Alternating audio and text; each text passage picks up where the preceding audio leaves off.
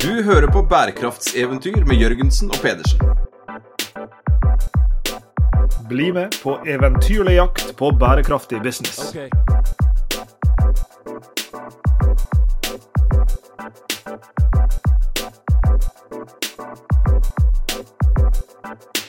I denne episoden av Bærekraftseventyr Sveinung, så skal eh, tittelen på serien vår få kjørt seg. Fordi eh, for første gang har vi en eh, ekte eventyrer med oss som gjest. Det er Kristin Harila jeg snakker om, og de fleste kjenner vel antageligvis for forsøket knytta til å, komme seg raskest opp på de 14 høyeste fjellene i verden. det er jeg sikker på vi skal komme inn på. I tillegg har Kristin drevet med mye annet i, livet Eh, alt fra å være traktorkjører, profesjonell langrennsløper, fengselsbetjent, toppleder, eh, og da altså nå eh, Tindebestiger. Velkommen til Barkas eventyr, Kristin. Tusen takk. Det er rimelig åpenbart at vi er ikke her i dag for å mansplaine deg om hvordan du skal klatre i fjell.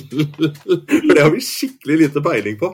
Men vi la jo merke til, da, som Lars Jakob sa her, altså som med, med vår tittel 'Bærekraftseventyr', årets eventyrer i 2022. Hun må jo vi få lov til å prate med. Hvordan blir man årets eventyrer?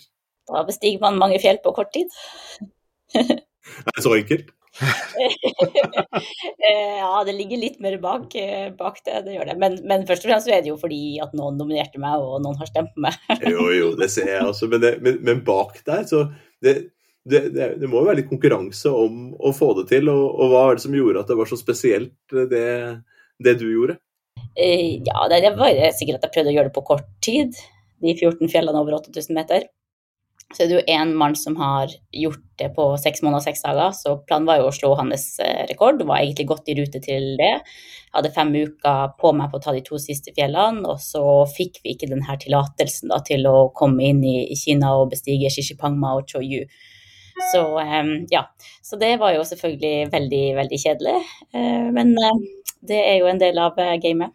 Og kanskje du, eh, for, for lytterne våre som, som, ikke klarer å ramse opp eh, Du skal slippe å ramse opp fjellene, det er ikke poenget. Men, men, gi folk et lite bilde av ja, for så vidt, Det kan være alt fra høyden på disse fjellene, hvor de befinner seg hen i verden. Hva er det liksom slags spenn på, på liksom den her Eh, den innsatsen, innsatsen som, skal, som, skal, til, da, hvor er det det tar deg hen, og hva er det slags, er det slags del av verden vi, vi, snakker om? Ja, Det er altså da 14 fjell i verden over 8000 meter.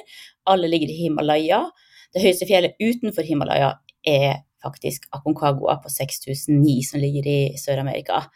Eh, så alle ligger liksom i ett og samme område, i Nepal, Pakistan og i Tibet. Så du har fem oppe i Pakistan og så har du eh, to i Tibet, og så har du syv i Nepal.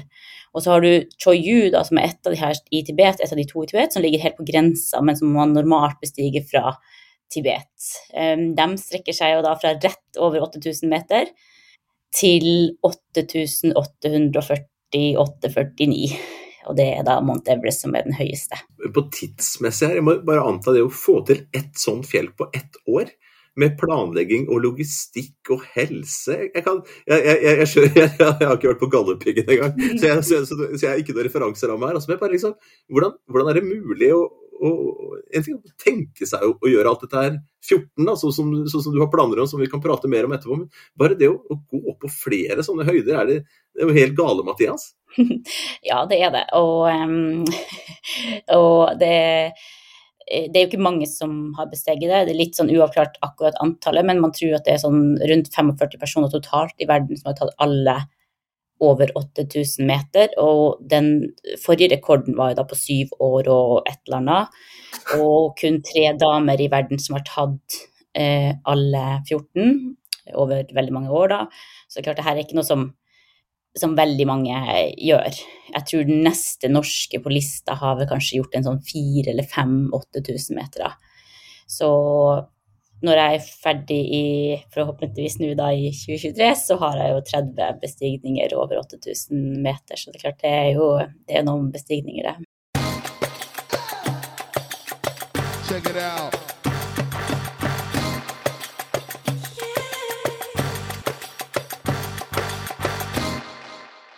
Jeg kan fortsette å være idioten her, jeg, Kristin, for jeg er enda mindre dreven enn en Sveinung på å komme meg opp i denne typen høyde. Kan, kan du beskrive litt risikobildet? Altså, Jeg går ut ifra at her må det være en, en rekke ulike risikoer. Noen knytta til kall det liv og helse, noen knytta til vær og vind. Kan du liksom beskrive noe, liksom, typene ja, Unnskyld ordspillet, motbakke du, du møter på her? Mm. Ja, altså, sånn som f.eks. mot Everest, som er det høyeste, da, så er ikke det et veldig teknisk fjell. Men det er jo likevel en risiko forbundet med å bestige det fjellet, både i forhold til at du går gjennom et sånn isfall, en bred egentlig, eh, fra basecamp til camp 1-2. Eh, så, så, det er en del av risikoen der. Og så er det jo høydesyke, og for min del så er det noe som jeg har ganske god kontroll på, men det, liksom, det føles veldig sånn klaustrofobisk å være så høyt. Og eh, det er en veldig spesiell eh, følelse å, å, gå oppover, og det blir tynnere og tynnere luft. Og ja, det, det er veldig spesielt. Og så blir heldigvis kroppen akklimatisert etter hvert. Det betyr egentlig at kroppen tilpasser seg tynnere luft. Og derfor trenger man normalt, uh, ja, si ja, opp mot to måneder for å bestige en 8000 meter, fordi at du trenger den akklimatiseringa. På akklimatisering så går man opp, og så går man ned igjen, og så går man litt høyere neste gang, og så, man, så holder man på sånn til man uh, kommer opp til toppen, da forhåpentligvis. Så det, det som høydesyke er en del av, av, risikoen. Og en annen del er skred, uh, og så er det selvfølgelig fall, og så er det utmattelse. Så uh, i forhold til risikoen da, så er ikke jeg sånn veldig bekymra. Så generelt så er jeg ikke bekymra for det fordi jeg ikke er så redd for å dø. Vi skal jo alle gjøre det en dag. Og hvis jeg dør på en fjelltopp, så dør jeg lykkelig på en fjelltopp. Og da var det sånn det ble. Og jeg syns det er viktigere å leve og være i live og gjøre det man har lyst til. Eh, og så får den dagen komme når den, når den kommer. Men, eh, men jeg føler sjøl også at jeg har veldig god kontroll på mange av de elementene som er en del av risikoen. Og så vet man jo at det alltid kan skje ting, det, det vet alle som bestiger de her fjellene. Så, eh, men jeg er ikke. Men har du med deg et team med de samme folka hver gang? I 2022 så besteg jeg 12 8000 meter med to samme skjerper. Så eh, det at man gjør det som et team, syns jeg er veldig viktig, og det er også en viktig greie for å minimere risikoen. Både det at man ikke er alene hvis noen skjer, det skjer noe, og så vi ser også på dem som får høydesyke, så begynner mange av dem å hallusinere. Så det å være i lag da er jo en, eh, en fordel. Men det, dette teamet, da. Du sier helst skal man bruke ca. to måneder på én bestigning av disse fjellene. og Jeg skjønner at du nå tok den høyeste, og at det kanskje er litt ekstra spesielt. Men dere går da opp og ned 14 14 delt på 12, det blir ikke to måneder i, i, i mitt hode. Så hvordan, hvordan, hvordan, jobber dere med å få til dette her? Ja, Det er et veldig, veldig godt spørsmål. Det forklarer egentlig hvorfor vi klarer å gjøre det på, på mye kortere tid. fordi at etter den første toppen, når vi går opp og ned for å tilpasse oss høyden, og når vi da kommer ned til basecamp, så er vi veldig godt akklimatisert. Så når vi kommer ned til basecamp etter en topp, så flyr vi helikopter til neste topp, hvis ikke toppene er så nært at vi bare går imellom, som de er noen plasser. Og så ser vi an været. Har vi et bra værvindu, så går vi direkte opp. Og da går vi ikke fra basecamp og rett opp til toppen, men vi går f.eks. fra basecamp til camp 1, og så kanskje sover vi der til neste dag, og så går vi til camp 2. Og så går vi da kanskje til camp 3, og så går vi kanskje til toppen og helt ned igjen til basecamp. Så et fjell etter at du er akklimatisert, tar ofte sånn mellom fem og ti dager, litt avhengig av været. fordi det kan jo også skje at vi har begynt en bestigning mot toppen, og så blir vi f.eks. værfaste i camp 2. Eller at vi ser at ok, vi har ikke mulighet for å ta toppen om to dager, vi må vente og gjøre det om tre dager. Så mye er liksom vær og, og logistikk eh, inn i det å ta så mange på så kort tid, da.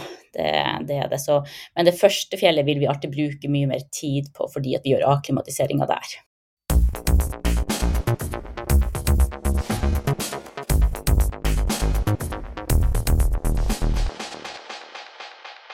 Eventyr og bærekraftseventyr, Kristin. Vi hadde en eh, administrerende direktør på, på besøk i, eh, i, kurset vårt her på, på NOH hos studentene våre. og han er sånn, I tillegg til å være direktør, så er han uh, sånn hobbyfotograf under vann. Så han svømmer ned til bunnen og så tar han bilder av uh, små ja, varierende grad av søte fisker på, på bunnen. Eh, og så brukte han det som en slags motivasjon for, eh, for bærekraftsengasjementet sitt. Han sa at dette her var jo det som han ønska å, å, ta vare på. Mm. Akkurat på samme måte som jeg ikke har vært på, på, høye fjell, så har jeg heller ikke vært på bunnen av, av havet. Så, så nær sagt, eh, Derfor spør jeg deg om i en viss forstand det samme. Altså når, når du, du, kommer jo opp her på sted hvor veldig få mennesker har vært. Eh, du får se, eh, du, du får se verden fra, fra, en vinkel som, som få får. Nesten fristet til å dra parallellen til, til, det som astronautene forteller om når de har vært der ute og kikket ned på jorda.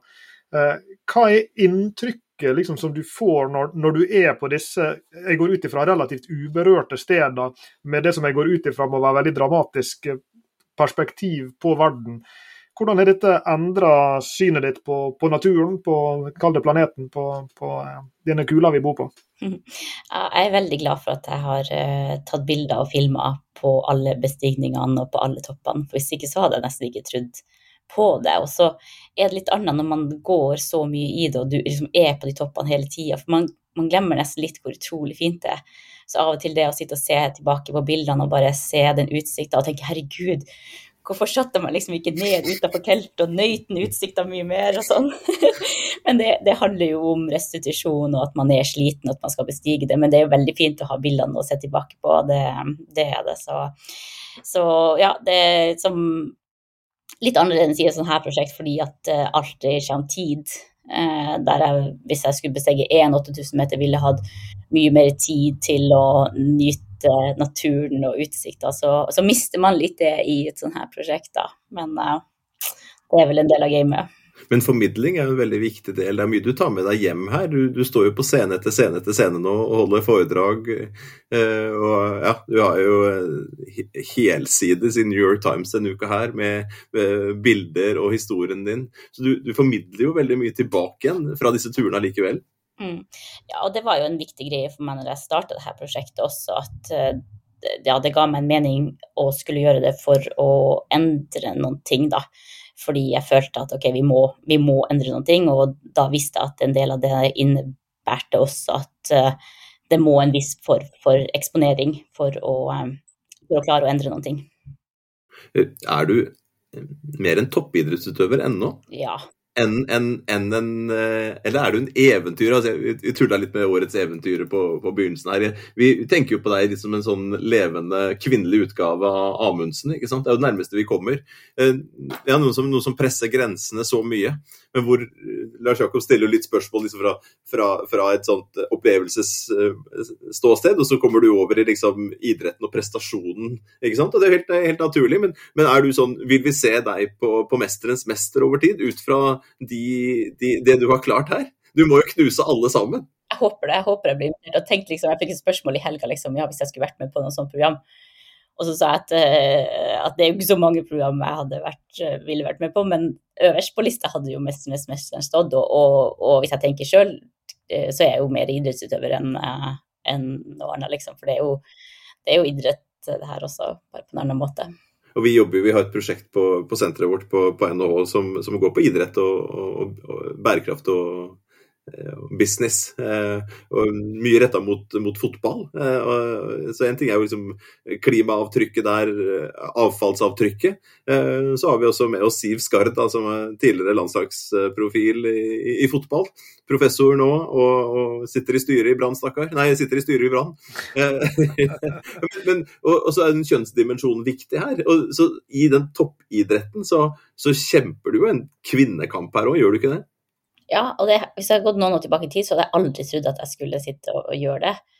Så det kom som et resultat av mange små opplevelser som gjorde at jeg tenkte er vi ikke kommet lenger? Så um, ja, så det, ja, det kom sånne små ting som gjorde at jeg tenkte ok, vi må, vi må faktisk prate om det nå, selv om vi har en klimakrise som vi står i, og som selvfølgelig er viktig, så er vi nødt for å, å tørre å prate om, om de kjønnsforskjellene som fortsatt er spesielt i sport. da disse kjønnsutfordringene Kristin, som, som, eh, som, som, idretten da står overfor, og som du er inne på i denne spennende artikkelen i, i New York Times, og som du har snakka om andre steder også. Jeg går ut ifra at det antar en viss form i klatringen som kanskje skiller seg fra hvordan det ser ut i, i fotballen eller i andre idretter. Kan, kan, du sette litt ord på, på hvordan dette her ser ut uh, i, i, din verden og, og din, uh, i din gren? Ja, jeg hadde jo aldri trodd at vi skulle prate om det her i 2023. Jeg trodde vi skulle prate om eh, klimakrisen og, og de tingene. Og, og, tenkte ikke at det var et så stort problem før jeg liksom fikk en mange sånne små opplevelser rundt det som, som, gjorde at jeg tenkte ok, det her må vi prate om, og forhåpentligvis gjøre noe med. Og det første som skjedde, var at før jeg skulle på Everest i 2021, så prøvde jeg å få tak i sponsorer. Og var da i kontakt med norske utstyrsleverandører, og selvfølgelig noen internasjonale også. Men i møte med dem så ser jeg at de i all hovedsak sponser menn. Fordi man kan på hjemmesida til de aller fleste se hvem som er atletene der. Mm. Eh, og hadde møte med dem, og flere av dem så konfronterte jeg med det. At eh, de sponsa 20 menn og, og to damer. Um, og de lovte jo at de skulle gjøre noe med det, så jeg tror at noen av dem skal få, få besøk av meg i august, så får vi ta en liten prat om hvordan det har gått med, med det. Nå har de jo hatt god tid siden 2021 å gjøre noe med det. Men, eh, men, vi får se. Så det var liksom den første opplevelsen jeg hadde. Og jeg så jo også en del som folk som jeg kjente, og visste hvor mye de fikk i støtte hos de her, og så da at de tilbød meg mye mindre. Som bare viser at, uh, at de ja, verdsetter damer lavere enn menn. Så det var det første. Og så så jeg da store internasjonale utstyrsleverandører som produserte fjellklatringsklær. Sånn superlette, ny kolleksjon og hadde masse markedsføring rundt det. Og så kom det kun i herrestørrelser. Og for meg er det som at de sier til alle jenter at du kan gå på en hikingtur, men fjellklatringa er for menn.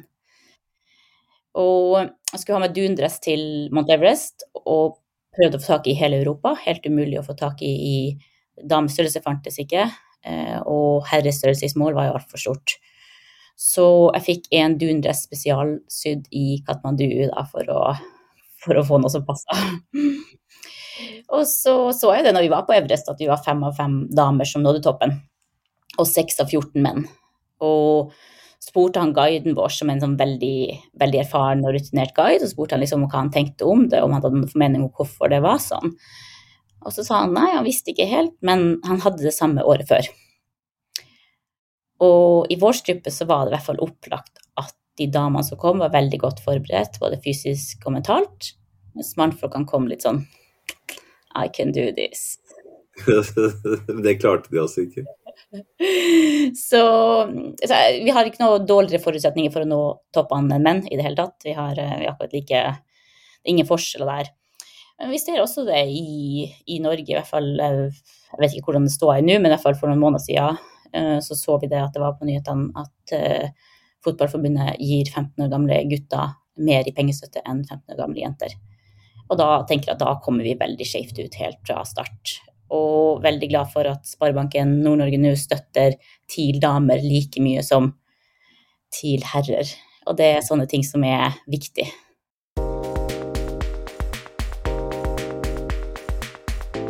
Det er jo fristende Kristin, å, å, trekke linjene tilbake igjen. Jeg, nevnte i innledninga at, eh, at, du har jo tidligere eh, klatra oppover i et annet hierarki, nemlig i, i, næringslivet. Og du var toppleder i Skeidar, og, og uh, valgte å, å og nær sagt uh, gå, gå, gå, en annen vei etter å ha vært der i, i, noen år. Men det, det, betyr jo at du har vært med på en, ja, en, en, klatring i en annen kontekst, hvor det ofte blir, eh, blir sagt at, at, menn og kvinner ikke nødvendigvis eh, spiller på samme eh, vilkår. Vi har en, en god kollega som, som studerer eh, Kall det rekruttering og, og liksom, hvor er det lederne kommer fra, og, og det som, som, handler om kjønnsbalanse eller ubalanse osv. Han, han brukte jo metaforen en gang, husker jeg, at vi, vi lar vi lar menn som spiller i andredivisjon, eh, altså som er på andredivisjonsnivå, eh, komme til toppen heller enn å hente kvinner fra Eliteserien. Eh, billedlig sagt. Eh, kjenner du, det, kjenner du det igjen fra tida di i, i, næringslivet, sånn i med sammenligning til det som du nå opplever innenfor klatreverdenen? Ja, det hadde jo noen opplevelser der også som, som gjorde at jeg tenkte at oi, vi har, ikke, vi har ikke kommet så langt her heller. Uten at det var ikke det som gjorde at jeg til syvende og sist sa opp, det var det ikke. Men jeg tror også at vi vi damer må stå opp for oss sjøl også litt mer enn hva vi gjør. Og hvis jeg ser tilbake til min tid der, så burde jeg ha gjort det på en annen måte. Og så er vi annerledes eh, enn menn på mange områder i forhold til hvordan vi leder og ja. Eh, men helt klart at vi også må gjøre, gjøre ting annerledes og tørre å si fra mer. Og det gjelder også i, i fjellklatring at vi, vi, må det. Det er ingen tvil om. Og jeg hadde en sånn opplevelse med en, en god venninne som var med meg på Nanga Parbat og K2. Og Nanga Parbat har et sånn veldig, veldig teknisk parti fra camp 1 til camp 2, der du møter bare en sånn svær fjellvegg. Og så er det sånn at der går man i forskjellige tau oppover, og der blir det kø. Det kan bare være én og én på tauet, så det blir alltid kø der. Så når vi sto ned, ganske, sånn, ganske langt nede i denne veggen, så kom det en guttegjeng. Og så prøver de å De passerte henne, for hun var rett bak meg, og så prøver de å passere meg. Og så sier jeg bare gå bak og still dere i køen. Men de passerte henne, og så kom jeg opp, og så gikk det en time før hun kom opp. Og for hun hadde sluppet dem foran seg. Og så var hun veldig lei seg for det, at de hadde kommet opp så, så lenge, eller at jeg hadde vært der så lenge før henne. Og så sa jeg at det har jo ikke noe med at du er dårligere klatrer, men det har jo med at du slapp dem forbi deg. At du må si nei, liksom. For det var ikke noe grunn til dem. de, klatrer ikke noe fortere enn hun, liksom. I det hele tatt. Så um, kom vi til K2, og så hadde vi det bottleneck der, som er liksom kanskje det vanskeligste partiet fra camp 4 til toppen. Der eh, man ser det svære sarakket som henger over, og der er det sånn travers som man må gjøre, som er ganske vanskelig. Og så kom det en fyr der og skulle passere henne, da. Og så snur hun seg og roper til han 'no'. så jeg tror også at eh, vi må si ifra. Og det er litt vondt, for det, det, du, det, du, beskriver her, er liksom vondt å høre på. på en måte, Det, det med å ta disse 14 toppene, jeg antar at det er jækla gøy. Så Sånn sett så, så, er det ikke så vondt. Det må være fryktelig morsomt å få det til. Uh, og en, en, glede i det, og en idretts, idrettsglede, selv om det er toppidrett. Og toppidrett og glede ikke alltid henger sammen. Så hvis vi lar, lar det ligge litt til side. Men det er litt sånn vondt at man må, at man må gape over så innmari mye for å bevise det. Altså sånn der, Ja, jeg har, jeg har satt meg fore nå å bevise at man kan gå forbi. ikke sant? Jeg kan gå raskere enn. Eh, og Man skulle jo ønske her at, eh, at, at, at døra sto litt mer åpen. Da. At det hadde vært liksom godtatt og, og, fått bra spons på, på, på, på fire topper på et år. At man ikke nødt, var nødt til å gå 14 da, eh, for å få det til. Men det ligger jo et håp andre, på andre siden her, at du faktisk kan vise at det er mulig. Eh, og Har du fått inngått noen bedre samarbeid med utstyrsleverandører som har begynt å lage, så ikke du må liksom uh, si, hånd, håndsy i Katamandu, hvis jeg skjønte det riktig. Uh, er, det, er det noen aktører som du ser beveger seg? Ja, det er i hvert fall en bevegelse i rett retning på, på mange områder, selv om vi fortsatt har en lang vei å gå. Men uh, nå er det f.eks. en kinesisk leverandør som er ganske store på dundresser, som har da kommet med damestørrelser. Så jeg jobber også sammen med dem i forhold til å lage min egen kolleksjon nå, eller egen dundress.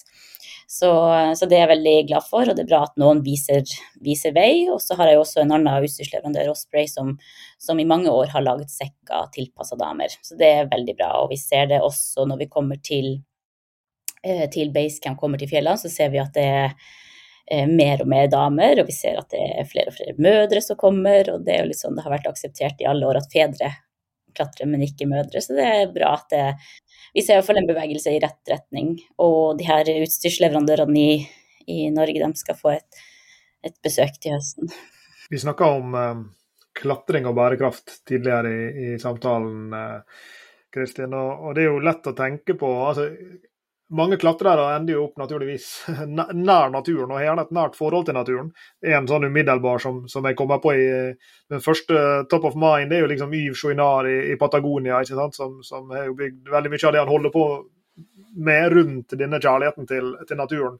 Eh, og så Samtidig så, så, er det klart at enhver liksom, interaksjon med naturen, det, det setter igjen en, en, et fotavtrykk på naturen. Eh, og, og, eh, jeg går ut ifra at i møte med både liksom disse, disse, eh, destinasjonene dere kommer til, der er det lokalsamfunn, du har vært inne på disse sherpaene, som ja, i dette tilfellet blir det jo jeg går ut ifra at mange av dem også livnærer seg på å, være en del av disse, yte disse typene tjenester. Så, så, her er jo det positive fotavtrykk, og her kan være noen negative fotavtrykk knytta til, til miljøpåvirkning og, og, og, i det hele tatt. Og jeg, jeg vet at dette er ting som, som opptar også deg. Eh, kan du sette litt ord på, på både på godt og vondt, og både det miljømessige og det samfunnsmessige her? Hva er liksom fotavtrykkene til disse typene aktiviteter, og, hvor, og liksom, hvordan tenker rundt, uh, hvordan tenker rundt dem? sånn, sånn overordna så tenker jeg at så lenge fjellene er der, så kommer folk til å bestige dem. Så vi må bare endre måten vi gjør det på for å gjøre det mer eh, klimavennlig. Um, og da er det jo spesielt to ting, og det er helikopter og det er de flyene som er den store greia. Og så har vi selvfølgelig litt i forhold til, uh, til søppel og forbruk også. Så, så, det er den store greia. Men så er det også sånn at uh, folkene i Nepal i all hovedsak lever av fjellene. Det er et veldig, veldig fattig land. Eh, og det er et eh, land som Norge er inne i med veldig mye bistand. Både i forhold til folk og i forhold til midler. Eh, og de er, de er helt avhengig av det.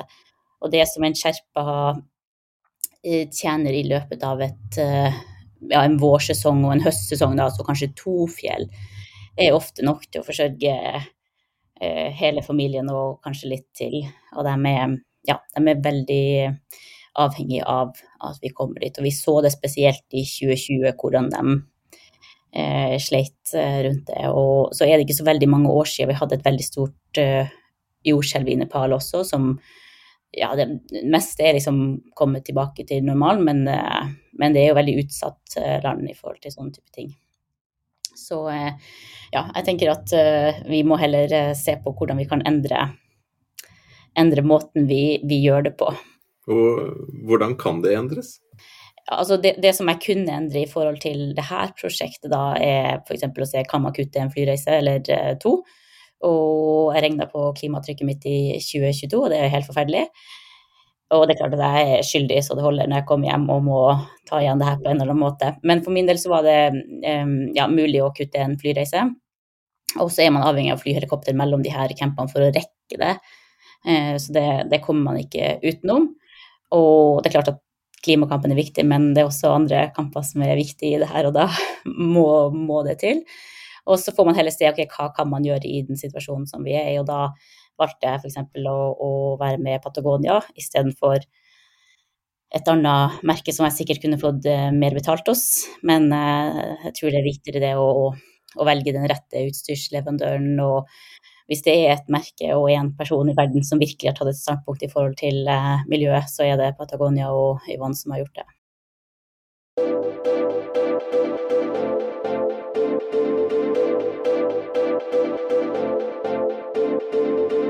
Blir du og dere jenter mer shama for denne type aktivitet og den form for toppidrett enn en mann ville gjort. Jeg har vært inne og sett på den der eh, New York Times-saken, og den har ikke ligget ute lenge.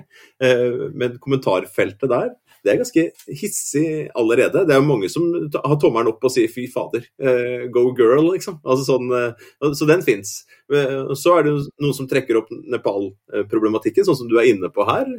hvor du sier at ja, dette er en det er jo det de lever av. ikke sant? Så, så, så, så, det er jo en diskusjon. Og så er det jo den, den andre, andre, delen med, med, bruken av fjellet, hvor mange ja, og, og, og, sånne ting. Men jeg bare, bare slår meg når vi er inne på denne kjønnsdimensjonen og, og toppidrett da, i dette tilfellet. Eh, opplever du og dere at, at, at, det stilles mer krav til at dere burde vært mer, mer omsorgsfulle?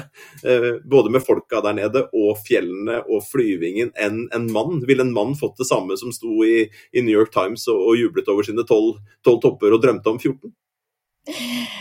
Åh, det er vanskelig å si. Det, Vi kan jo leke litt med det, hypotetisk.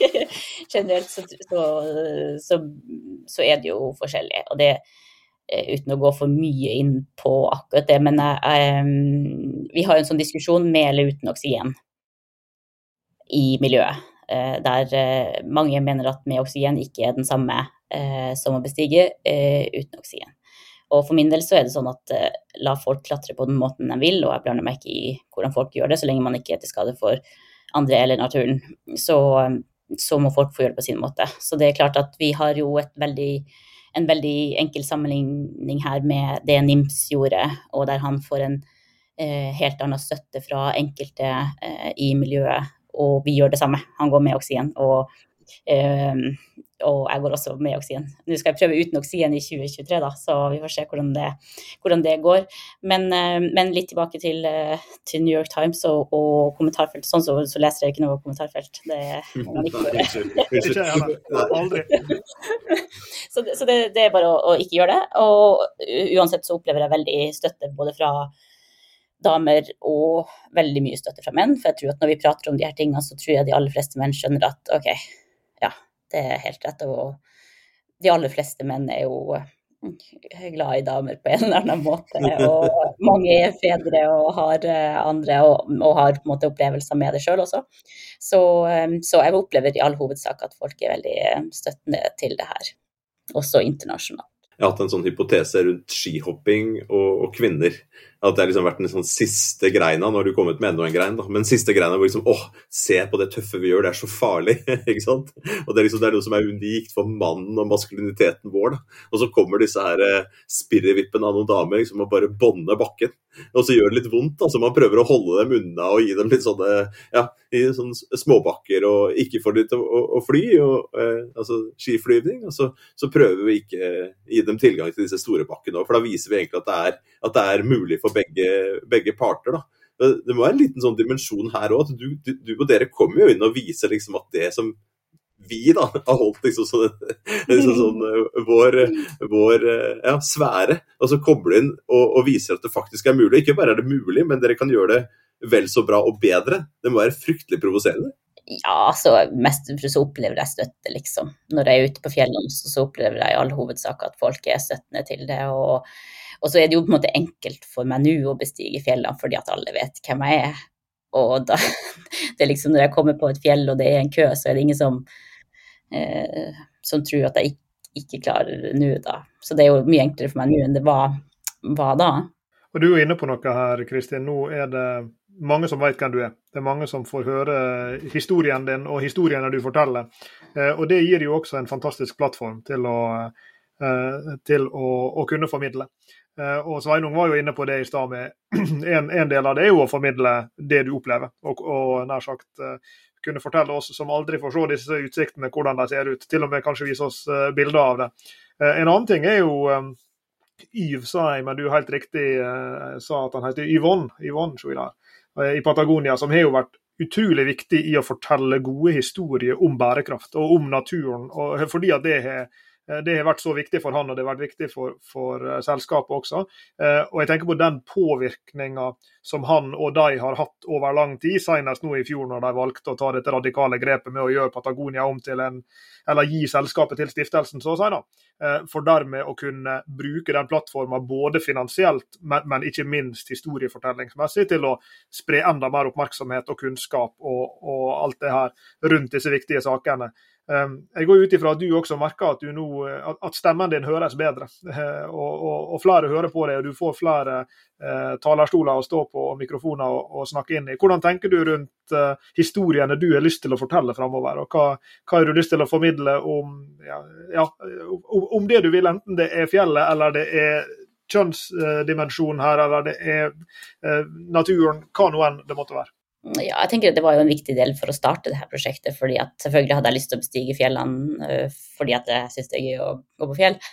Men det var jo også at jeg tenkte at er, altså hvis vi skal endre noe i denne bransjen, fordi jeg følte på den urettferdigheten, så, så må vi ha eh, profiler, og vi er nødt for å ta plass. Og vi må lage film, og vi må lage bok, og vi må Ja, jeg tror, tror det er en viktig viktig greie også for både for um, det i forhold til sponsormidler, men også i forhold til de neste generasjonene. Så hvis de ikke har noen forbilder og ikke ser at det her er mulig for en, dem å gjøre både fysisk, men også økonomisk, så, så blir det ikke å endres. Så jeg tror det er en, en viktig, viktig greie.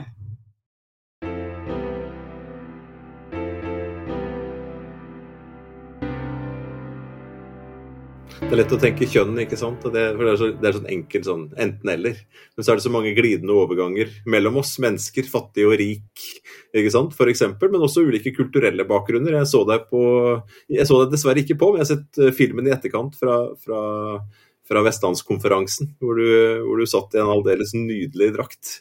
Eh, er, det en, er, det en, er det en liten kraftbombe inn i, inn i Kristin også?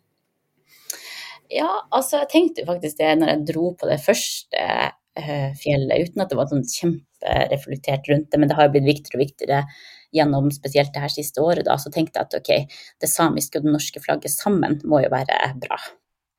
Så jeg har faktisk hatt det med meg på alle fjelltoppene jeg har besteget. Um, og så hadde jeg jo ett og ett flagg og tenkte ok, skal jeg, hva skal jeg gjøre med Skal jeg holde opp ett og ett? Nei, jeg må jo sy dem sammen så de henger sammen.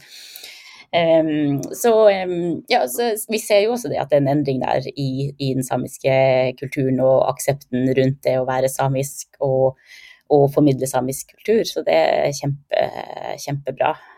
Det i hvert fall går i rett retning sittet og sett på i siste, den, eh, er, er, er, det Søringen og samen, er det det det heter? På, ja.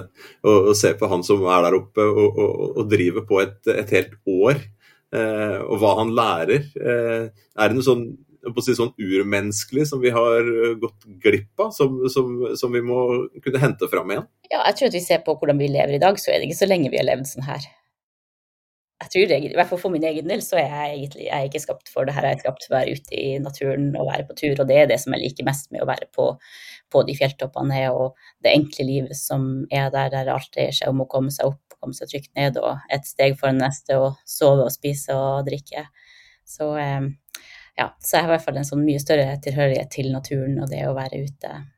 Og det trenger ikke å være sånne turer, det kan være en vanlig tur også. Men jeg tror egentlig at hvis vi ser tilbake og hvordan vi har levd over så mange år i forhold til hvordan vi lever nå, så, mm, ja, så er det ikke rart at eh, en del folk får problemer med å forholde seg til det her livet. I 'Mesternes mester', så eh, når du skal være med der, så går de alltid gjennom karrierene til, eh, til, disse utøverne. Jeg sitter og ser på dette sammen med døtrene mine, og, og dette syns vi jo alltid er fryktelig gøy. og, mm. og, det er alltid, som, som yngstedattera mi poengterte her, det er alltid nedturer.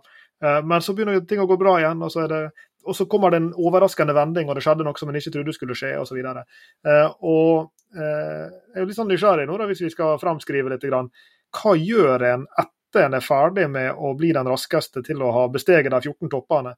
Så ikke kan du klatre høyere. Uh, så, så hva har du allerede begynt å drømme om? Hva er de neste de, de, liksom, de neste skrittene i eventyret til Kristin? Mm, ja, jeg har jo selvfølgelig en plan på det. Um, så jeg skal uh, få meg plass å bo. For jeg solgte alt jeg hadde i, Jeg solgte det i 2022, men jeg har ikke bodd noe plass siden 2019. Så jeg skal i hvert fall ha med plass å bo, og så tenkte jeg skulle få med barn og ha et litt mer normalt liv.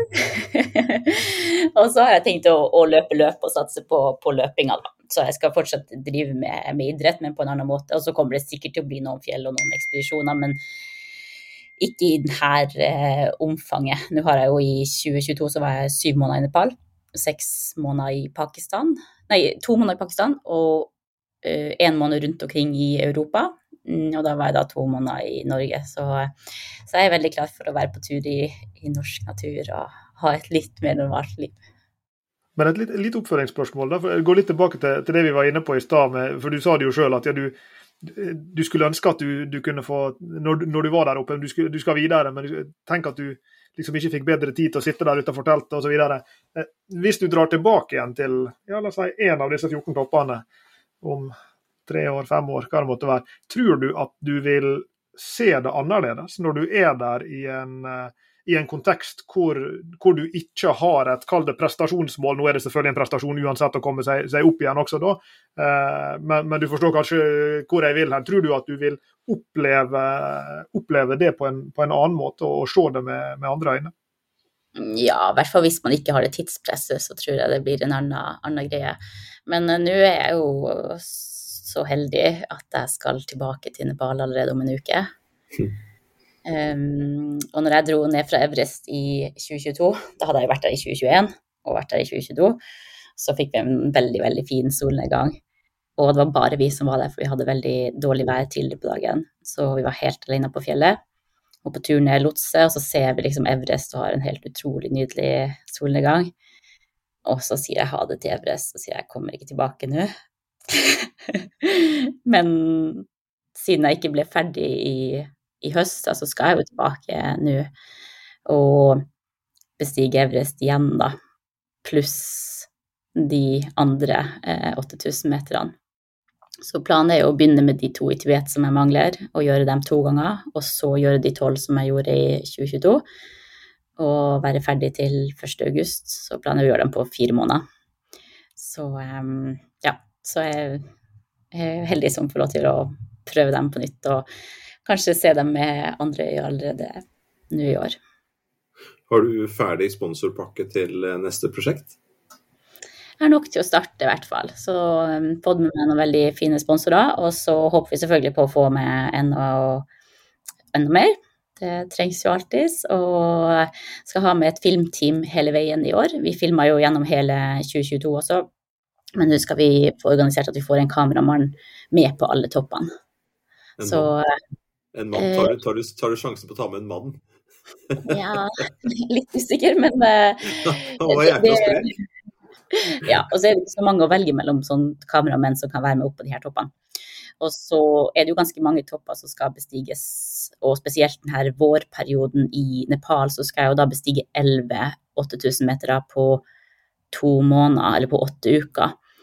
Og nå er det bare jeg og Nimstad og mine to sherpaer som har besteget seks på den samme tida. Og det er klart at 11 er ganske mange flere.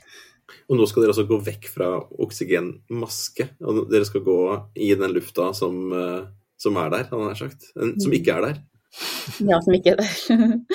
Eh, ja, så jeg skal prøve uten oksygen, og det er jo litt som fordi at når jeg ser tilbake, så syns jeg ikke at fjellene har vært så krevende.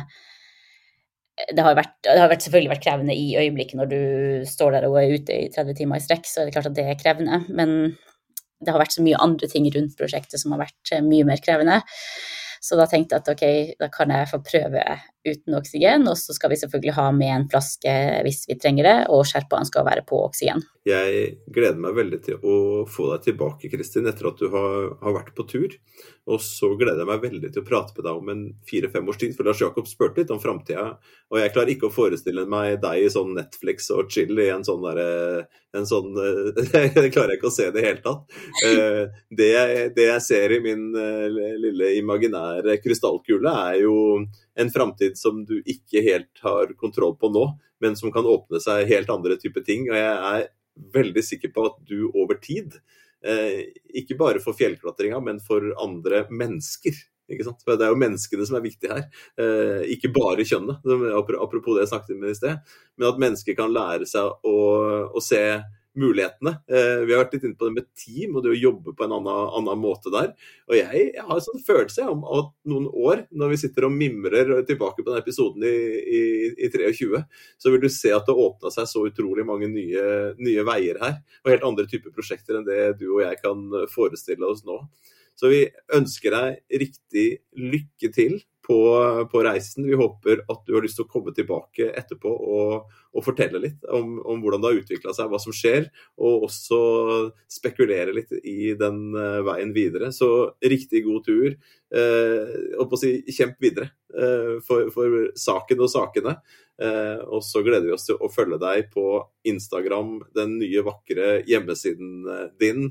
og TikTok og til slutt også den der fantastiske filmen. Og jeg håper at den filmen, når denne stakkars eh, filmmannen kommer tilbake, at ikke den er like skremmende som den der Mount Everest-filmen som jeg så for noen år siden på Lillehammer kino sammen med kona mi, og nesten ikke tør å gå på kino etterpå. For det er jo det bildet jeg har av de der enkle fjellene dine, er jo noe gale Mathias opplegg. Så jeg, jeg, jeg, klarer ikke å fatte og begripe hva du holder på med, men, men tusen takk for at du har eh, prøvd å dele det med oss. Tusen takk skal du ha. Du har hørt på Bærekraftseventyr med Jørgensen og Pedersen. Send e-post til eventyr.krøllalfa.jorgensenpedersen.no for å stille spørsmål eller komme med forslag til tema for fremtidige episoder. Og besøk jorgensenpedersen.no for mer informasjon om denne podkastserien. Okay. Derfra kan du også fortsette samtalen med oss i sosiale medier på Twitter, Facebook, LinkedIn, YouTube og andre steder.